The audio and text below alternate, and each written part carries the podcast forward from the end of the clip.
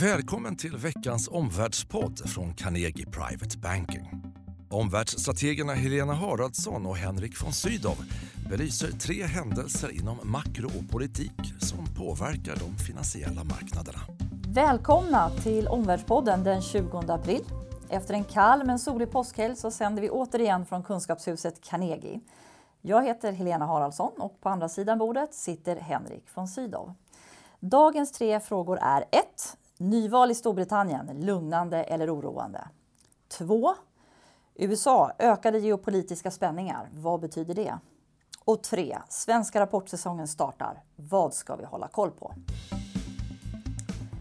Henrik, Storbritanniens premiärminister Theresa May överraskade ju marknaden med sitt förslag om extraval den 8 juni. Hur påverkar detta brexitprocessen? Ja, det gör det. Det blir en eh, annan eh, politisk cykel i Storbritannien. Det brittiska parlamentets eh, mandatperiod förlängs ju ända till 2022 och det innebär att det blir alltså inte val direkt efter brexitförhandlingarna. Det skulle ligga 2020, brexitförhandlingarna ska vara klara 2019. Det här eh, är en ganska stor sak. Det talar definitivt för bättre möjligheter till kompromisser som ger en mjukare övergång och en mindre risk för det som ibland kallas för en kaotisk Brexit eller en Brexit cliff. Eh, Theresa May behöver inte förhandla med ett eh, parlamentsval direkt hängande över sig. Det, det påverkar.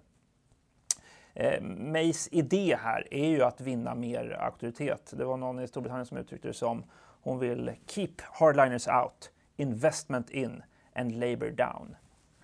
Ah, men det här extravalet då, är det positivt eller negativt för investeringsklimatet? Alltså marknaden eh, har ju reagerat på ett sätt så att man kan tolka det som att den förväntar sig med detta en ökad politisk stabilitet.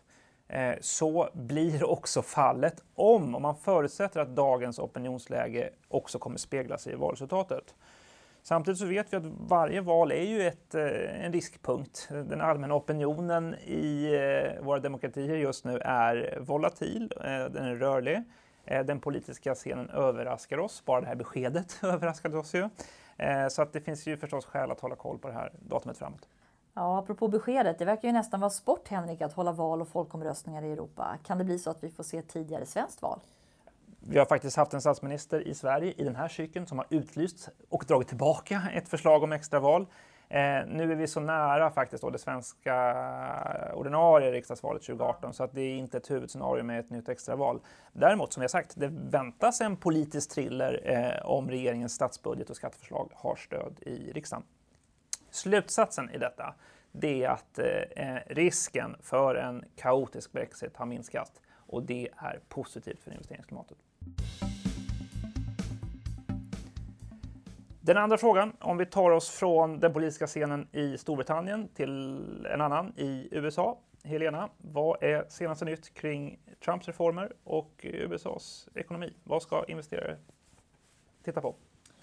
Ja, vi har ju en längre tid fått se signaler på hur hans reformer dröjer och nu i veckan så blev det ju bekräftat faktiskt av finansminister Mnuchin då att skattereformen är försenad. Och det här skulle ju då ha lyft tillväxt och vinster. Eh, andra sidan kan man säga att Trump då har varit eh, desto mer aktiv på den geopolitiska arenan. Ja, det stämmer Henrik. Man skulle kunna säga att han har flyttat fokus från hemmaplan till bortaplan. Eh, han har ju inte bara bombat i Syrien utan också i Afghanistan. Och när det gäller Nordkorea så har han ju flyttat militär kapacitet närmare in i området. Både Trump och ministrar har ju utfärdat verbala varningar.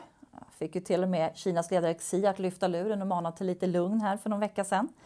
Eh, de här ökade spänningarna sker ju också mellan ganska svårutsägbara parter. Alltså jag tänker Trump, Putin, Kim Jong-Un. Det här skrämmer ju marknaden och det har vi sett. Guldet har stigit, obligationsräntorna har fallit, men aktier har faktiskt klarat sig hyggligt. Mm. Eh, just detta då, om vi går från de rubriker som Trump hela tiden rör upp eh, och tittar mer på den faktiska utvecklingen i den amerikanska ekonomin. Vilka är signalerna? Ja, de är faktiskt lite blandade. Så att första kvartalet ser ut att bli ganska svagt, kanske under 1 procents tillväxt. Intressantare då är ju aprilsiffror som har börjat komma och där har vi fått några regionala industribarometrar. De har varit lite åt det svagare hållet. Men då vill jag lyfta fram att den viktigaste av dem alla det är ISM-barometern som kommer första veckan varje månad, det vill säga i början på maj. När det gäller konsumtionen så är det också lite lustigt. Hushållen säger att de är optimistiska. Men när man tittar på hur de agerar då kan vi bland annat se att de köper färre bilar. Eh, och mot bakgrund av de här blandade signalerna då så är det ju lite skönt att vi på Carnegies förvaltarteam sedan en tid faktiskt är lite försiktiga till amerikanska aktier och har föredragit andra regioner. Eh, men slutsatsen här då på USA blir ju att varken Trumps agerande eller makrosignalerna har varit upplyftande den senaste tiden. Helena, den tredje frågan. Om vi går från amerikansk ekonomi till eh, svenska bolagsvinster. Eh, rapportsäsongen börjar precis. Vad ska privata investerare hålla koll på framåt? Det stämmer. Startskottet gick idag på morgonen med ABBs rapport. Eh, och nu kommer det framförallt de kommande två veckorna är ganska intensiva med stora tunga rapporter. Det är ju så här att investerarna har ganska höga förväntningar. Tittar vi på de 30 största bolagen och OMX-index så tror analytikerna att vinsterna ska öka med 9% för 2017. Det är en kraftig vinstuppgång. Eh, här tål man inte besvikelser, men det positiva är att vi har knappt sett någon vinstvarning i Norden. Vi har till och med sett positiva vinstvarningar, bland annat Volkswagen, bättre efterfrågan i Europa, men också finska Valmet såg efterfrågan i Kina och Japan. Vad är viktigast att titta på? Och där skulle jag faktiskt svara guidance snarare än resultaten. Och med guidance menar vi bolagens framtidsutsikter. Hur kan försäljningen komma att se ut? Vi har ju tidigare i podden pratat om att vi har en bredare och stabilare konjunktur globalt. Och det här bekräftade IMF i veckan när de reviderade upp sin tillväxt något för världsekonomin. Så miljön i sig talar ju för att vi borde kunna få se lite mer optimism från bolagen. Så att slutsatsen blir väl då att även om förväntningarna är höga så titta på framtidsutsikterna, då kan man känna att det här vinsttåget rullar på. Tack Helena! tycker det finns tre slutsatser från eh, veckans samtal. För det första, vi ser en mindre risk för en kaotisk Brexit. Mm. De, geopolitiska, det andra då, de geopolitiska spänningarna dämpar riskaptiten. Och nu inför rapportsäsongen, titta på bolagens kommentarer om framtida försäljningsutsikter. Ikväll eh, så talar både jag och Helena för Carnegies inbjudna kunder på Bukowski här i Stockholm. Då är temat eh, finans och fastigheter faktiskt. Mm.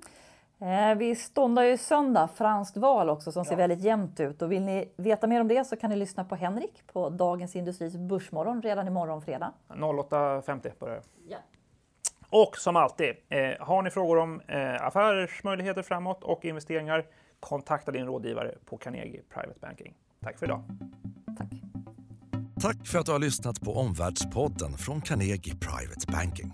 Vill du veta mer om vad som händer i vår omvärld och få aktuella idéer till affärer? Gå då in på www.carnegie.se veckans viktigaste och prenumerera på vårt nyhetsbrev.